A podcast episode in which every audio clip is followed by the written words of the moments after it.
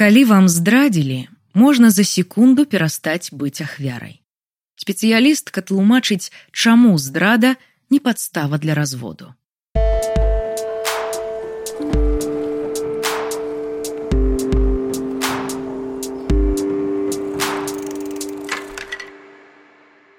Як выняць сябе боль, калі вы лічылі партнёра партнёрку ідэальным ідэальнай, а аказалася ён ці яна вам здраджвае. Як мы самі штурхаем сваю палову да здрады, прычым тут сексуальныя фантазіі і ці можна цалкам задавальняць адзін аднаго ў пары. Пра гэта сіцідок расказала псіхалагіня Наталля Алефірович. Манагамія форма эгаізму Мы зараз жывём у мультыкультурным свеце, дзе штосекундна сутыкаецца вялізная колькасць розных поглядаў на жыццё, розных каштоўнасцей, спосабаў уладкавання сям'і.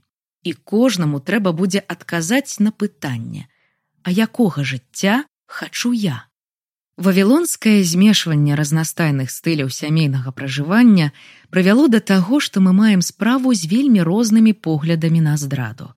На ўсходзе да гэтага часу забяспечаны мусульманін можа жыць з чатырма жонкамі.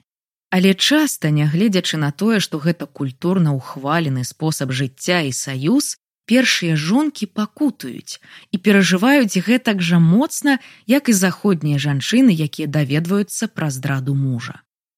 Размова пра чужы эгаізм, хутчэй спосаб апраўдаць жаданне, каб іншы жыў па маіх правілах людзі ўладкаваны па-рознаму. Ёсць невялікі працэнт сем'яў, дзе мужы жонка адзін аднаму ні разу не здрадзілі. Для іх найважнейшая ў пары стабільнасць. Думаю, з гадамі працэнт такіх сем'яў будзе змяншацца. Мы жывём у часы ўсяго аднаразовага. За сезон стараюць рэчы, фільмы, тэндэнцыі, звязаныя з харчаваннем і знешнім выглядам, манерай зносін.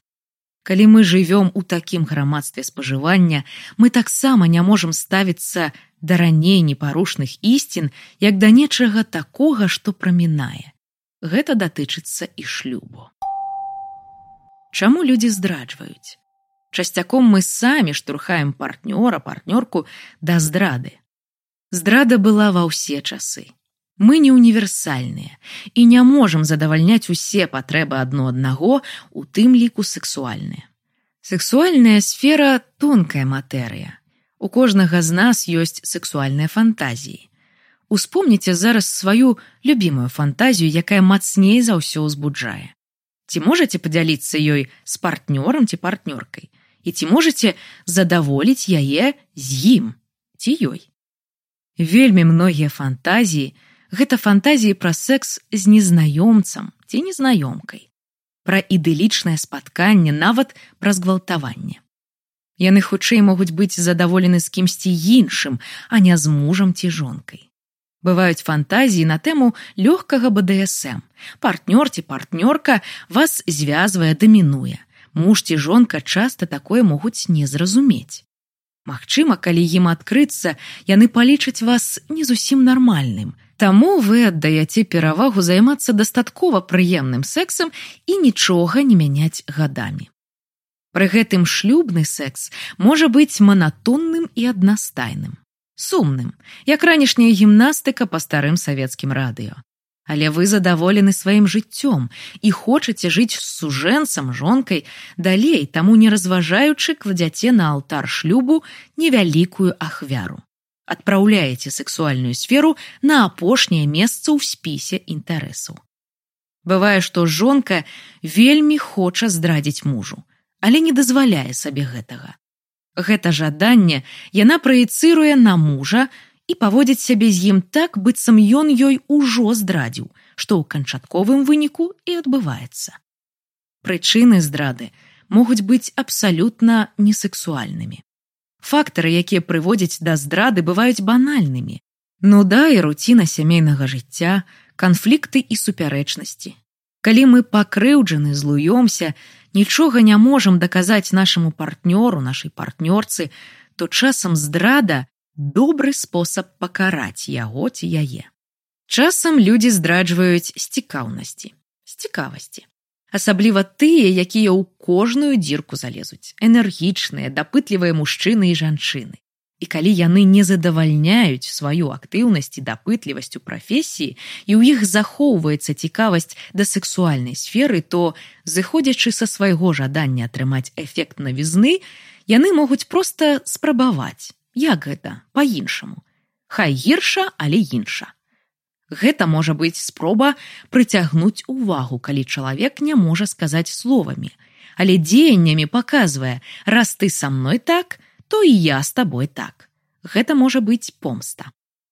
Як ні дзіўна бывае людзі здраджваюць у сітуацыі, калі ім вельмі напружана, ну прама яны ўжо паміраюць і вар'яцеюць ад гэтага побыту. Ці наадварот, Усе праблемы вырашаны, муж і жонка перасталі жыць у сітуацыі вечнага бою, расслабіліся, з'явіўся вольны час. Чаму б не паспрабаваць нешта змяніць, а заадно і здрадзіць. Любоўныя трыкутнікі. Гэта і пра зайздрасць да чужога. Ёсць рэчы, якія мы не ўсведамляем. Яны могуць тычыцца знешняга выгляду, які служыць трыгерам, а мы нават не задумваемся, што ён адпраўляе нас у падлеткавыя фантазіі і мроі. Тэмбр голасу, інтанацыі, нейкія словы і людзі, якія не збіраліся здраджваць, раптам адчуваюць магію, хімію. Нездарма бельгійка Эстер Перель, аўтарка шматлікіх кніг па сексуальнасці, называла адной з прыкмет здрады любоўную алхімію цягу нейкі гарманальны коктейль насланнё якое ўзнікае паміж людзьмі якія маюць сем'і але раптам сустрэлі адзін аднаго. Так ёсць нешта чаго ты нясцерпна хочаш і тады пачынаюць працаваць ахоўныя механізмы. Напрыклад адмаўленні. Ды я нічога такога не зрабіў. Рацыяналізацыі Усе людзі здраджваюць, або я ні на што не прэтэндую, нікога не забіраю, наадварот, прыношу задавальнення, умацоўваю чужую сям'ю. Але важна разумець простую рэч: чужое браць нельга, нават калі яно дрэнна ляжыць. У наш час з'явіўся новы разлучнік, яго вялікасць інтэрнет. Вялікая колькасць людзей, якія ў жыцці бы адзін за адным не сустрэліся, рэгіструюцца ў ціндары і ладзяць сабе хуткасныя спатканні. Могуць выпіць па кубачку эспрэса, а бонусам ідзе сексуальная эспрэса, хуткі секс. Раней я б сказала, што мы можам здрадзіць толькі з чалавекам, з якім можам сустрэцца ў плоці ў рэальным жыцці. Калі ваше жыццё гэта праца, дом, сябры, часцей за ўсё гэта блізкае асяроддзе. Плюс курортныя раманы раманы ў камандзіроўках. Што да мужоў сябровак то як бы мы не хацелі пазбавіцца ад зайздрасці і канкурэнцыі мы вельмі часта неўсвядомлена спрабуем стаць лепшымі за сваё асяроддзе. Бывае дзяўчына ў падлеткавым узросце не найгралася ў трыкутнікі. Хоць у прынцыпе ніхто з нас не найграўся Калі б мы развязалі эдыпальны канфлікт, які звязаны з трыкутнікам дзіця тата мама, цягай да аднаго з бацькоў процілеглага полу, агрэсіяй на аднаго з бацькоў свайго полу, у свеце не было б рэўнасці. Як толькі людзі трапляюць у трыкутнік, яны пачынаюць дзейнічаць аўтаматычна. У мяне былі прыклады, калі жонка даведалася, што ў мужа секс і каханне з суседкай жонка шакавана бяжыць за дапамогай. Пачынае худнець ідзе ў залу абяцае разбурыць сямейны бізнес вяртае мужа ў сям'ю уладкоўвае трайнічок з суседкай. Чаго толькі не робяць у такіх сітуацыях. Але кожны раз калі ўзнікае любоўны трыкутнік трэба ўлічваць што чалавек які ўрываецца ў знаёмую сям'ю можа адчуваць не толькі цягу да аднаго з сужэнцаў але і моцныя часцяком неўсвядомленыя пачуцці да другога. Напрыклад, зайздрасць. І гэта таксама прывітанне з дзяцінства ад адыпальнай сітуацыі, якая ўзнікае ў тры-пяць гадоў. Заўсёды ўзнікае пытанне: нам важны секс з гэтым чалавекам, ці нам важней насаліць сяброўцы, суседцы, праканкураваць, адбіць мужчыну ці жанчыну што такое адзінкавы пазашлюбны кантакт і як да яго ставіцца. Не бывае, што вінаваты толькі той, хто здрадзіў. Мы не бяром у разлік нарцысаў з адсутнасцю эмпатыі, аб'юзераў іншых нездаровых людзей. Большасць пасля здрады адчувае велізарны спектр эмоцый: радасць, сорам, страх, віну, і гэта нармальна. Сама здрада часта з'яўляецца крывой спробай паведаміць партнёру, што ў адносінах нешта не так. У класіфікацыі здрады ёсць адзінкавы пазашлюбны кантакт. Чалавек паехаў у камандзіроўку, выпіў на карпаратыве, сустрэў школьнае каханне. Такая аднаразовая сітуацыя звычайна суправаджаецца раскаяннем з боку таго, хто здрадзіў і стараннымі спосабамі знізіць колькасць болю партнёра. Але часам станоўчыя мужыкі гадамі жывуць на дзве сям'і. У такога партнёра можа быць больш сіл энергіі, ён гатовы падтрымліваць адносіны з дзвюма жанчынамі, ці ён сапраўды любіць абедзвюх. Я ведаю вялікую колькасць пар, дзе жонка ведае пра другую сям'ю мужа, але не разводзіцца, Таму што жонка яе сацыяльны статус, багацце, бонусы. Калі жанчына ставіцца да сітуацыі спакойна, яна можа быць дастаткова шчаслівай але такіх жанчын можа один процент. Як выйсці з ролі ахвяры? Як увогуле жыць з разуменнем, што табе здрадзілі? Нам часам здаецца, што наступствы выклікае падзея. Муж здрадзіў, таму мне блага я ахвяра. Але гэта не так. Нашы эмацыйныя наступствы выклікаюць нашы перакананні ў тым, што здрада гэта дрэнна подла гэта смерць шлюбу. Уявіце што ў нашай культуры лічаць што глядзець у вочы самы страшны грэх што можна займацца сексам але галоўнае не паднімаць вачэй перакананні пра святасць і забароненасць сексу ідуць з даўніх часоў калі ён амаль заўсёды суправаджаўся цяжарнасцю дзіцянараджэннем пытаннямі пра фінансы статусы уплыў усе ўстаноўкі у нашай галаве і ў грамадстве. Ёсць меркаванне, што сужэнец альбо жонка, якія здраджваюць, паўтараюць паводзіны аднаго з бацькоў, які калісьці здраджваў. Маўляў, дзеці капіруюць паводзіны бацькоў, як іх не выхоўвай. Гэта глупства. Так, бывае сямейны сцэнарый, калі бацькі, дзядулі, бабулі здраджвалі адно аднаму. Але бывае ідэальная сям'я, а дзіця, калі вырастае, пачынае хадзіць налево бязбожна. Калі адносіны важныя, то вы можете выйсці з ролі ахвяры за секунду, успомніўшы, што ў вас ёсць выбар. Але калі вы разумееце, што можаце ў любы момант сысці, развесціся, аднак вы свядома выбіраеце гэтага не рабіць, таму што ў вас ёсць на гэта прычыны, вы не ахвяра. Калі вы выбралі жыць з такім партнёрам, такой партнёркай, вы ўжо не ахвяра. Вы толькі займаеце ролевую пазіцыю ахвяры, робячы выгляд, што вы няшчасная небарака. Пры гэтым у вас ёсць другасная выгада. Чалавек павінен браць на сябе адказнасць. Калі вы ведаеце пра здраду і працягваеце жыць з чалавекам, значыць вы павінны падысці да гэтага адказна.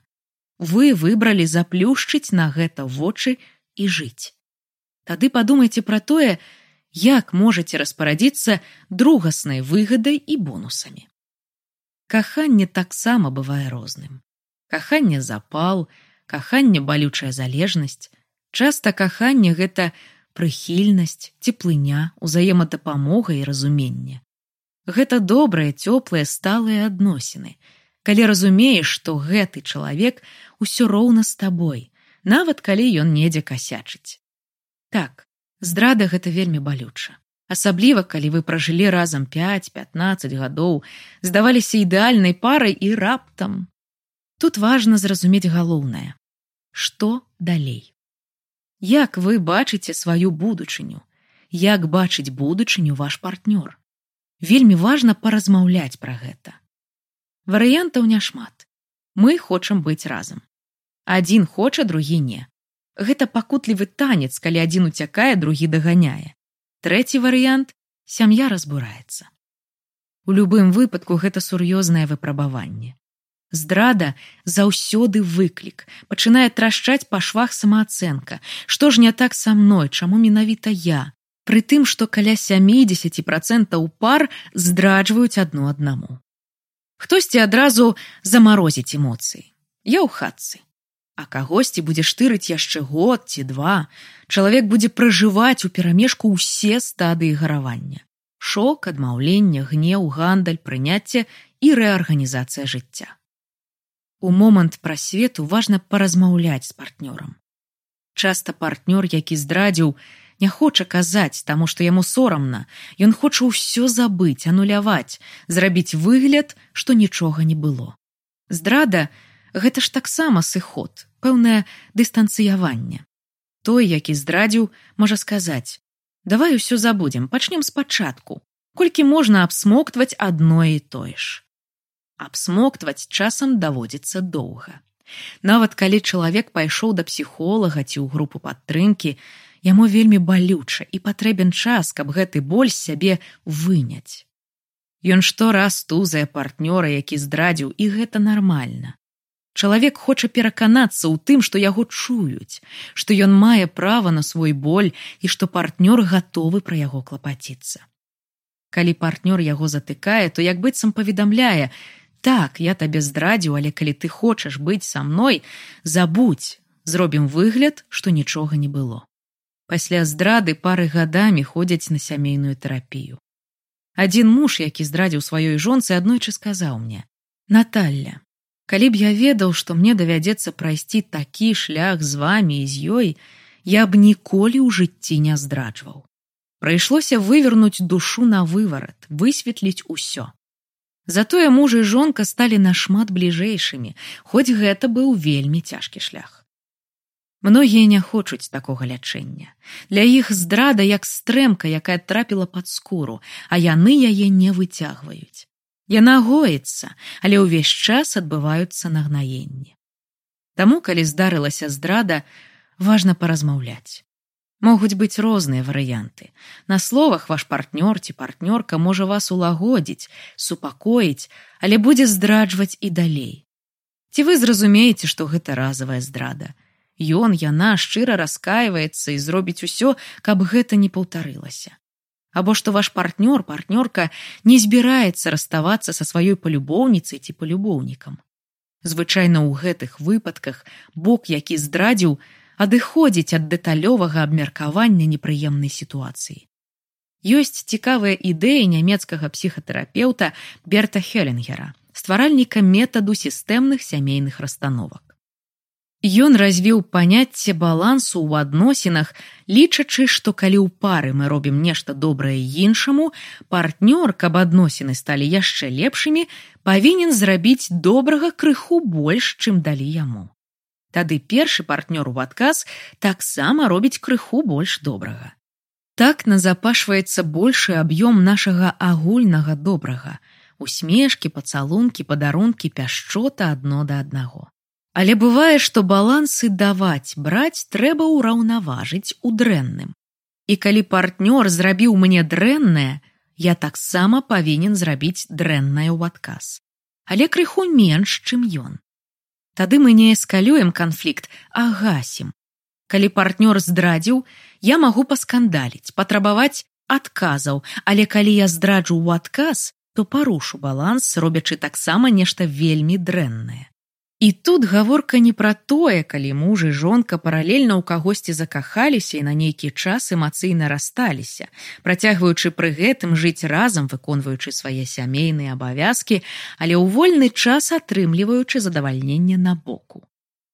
Размова пра тое, што калі вам прычынілі боль, вы таксама маеце права рэагаваць, злавацца, крыўдзіцца. Горш за ўсё, калі адзін апранае на сябе цярновы вянок, і прабачае другога. Мы людзі і хочам жыць з жывымі людзьмі, а не са святымі. Таму выказваць агрэсію нармальна. Але важна не выходзіць з берагоў, калі вы ў лютасці і хочаце разбурыць свет мужа ці жонкі, адпомсціўшы, прычыніўшы страшны боль, напрыклад, зняславіўшы, адабраўшы бізнес, разбурыўшы кар'еру. Як наладзіць адносіны пасля здрады? Лепш своечасова спыніцца ў сваім гневе і шчыра расказаць процілегламу боку, наколькі вам балюча. Паспрабуйце пагаварыць праз боль спакойна. У мяне велізарная лютасць, крыўда, але больш за ўсё болю. бо ты важны для мяне чалавек, і я памятаю ўсё добрае, што ў нас было. Я не ведаю, што мне рабіць. Тады ёсць шанец наладзіць адносіны, а не пагоршыць канфлікт. Калі вы можаце быць шчырымі, прад'яўляць сваю ўразлівасць і чуць адно аднаго, у вас ёсць шанец пабудаваць адносіны лепшыя, чым былі да здрады. Здрада гэта нагода стаць дэтэктывам калі вы зможаце стаць шэрлакам холмсам для сваёй пары каб разблытаць што вы такога рабілі разам што адбылася здрада гэта можа прынесці нават нейкае задавальненне гэта дапаможа зразумець як уладкаваны ваш партнёр. Калі вы хочаце наладжваць адносіны будьце гатовыя да тысячы і адной ночы праясненняў гутарак паразуменняў і непаразуменняў вяртанняў у адзін і той жа пункт хаджэнняў па крузе. Важна пераадолець усе тупікі выкліканыя здрадай цяпер я маю права абражаць цябе зневажаць пагарджаць табой або здраджваць табе. Магу рабіць усё што захачу. Ты павінен павінна мне да самай труны. Калі пара захоча быць разам далей пасля здрады то ім давядзецца перагледзець адносіны даведацца чым на самой справе жыве партнёр пра што марыць на што крыўдуе чаму так сябе паводзіць выпіць коктейль які будзе складацца з віны сораму болю крыўды злосці. І калі яны вып'юць яго то на дне абавязкова знойдуць вішаньку надзеі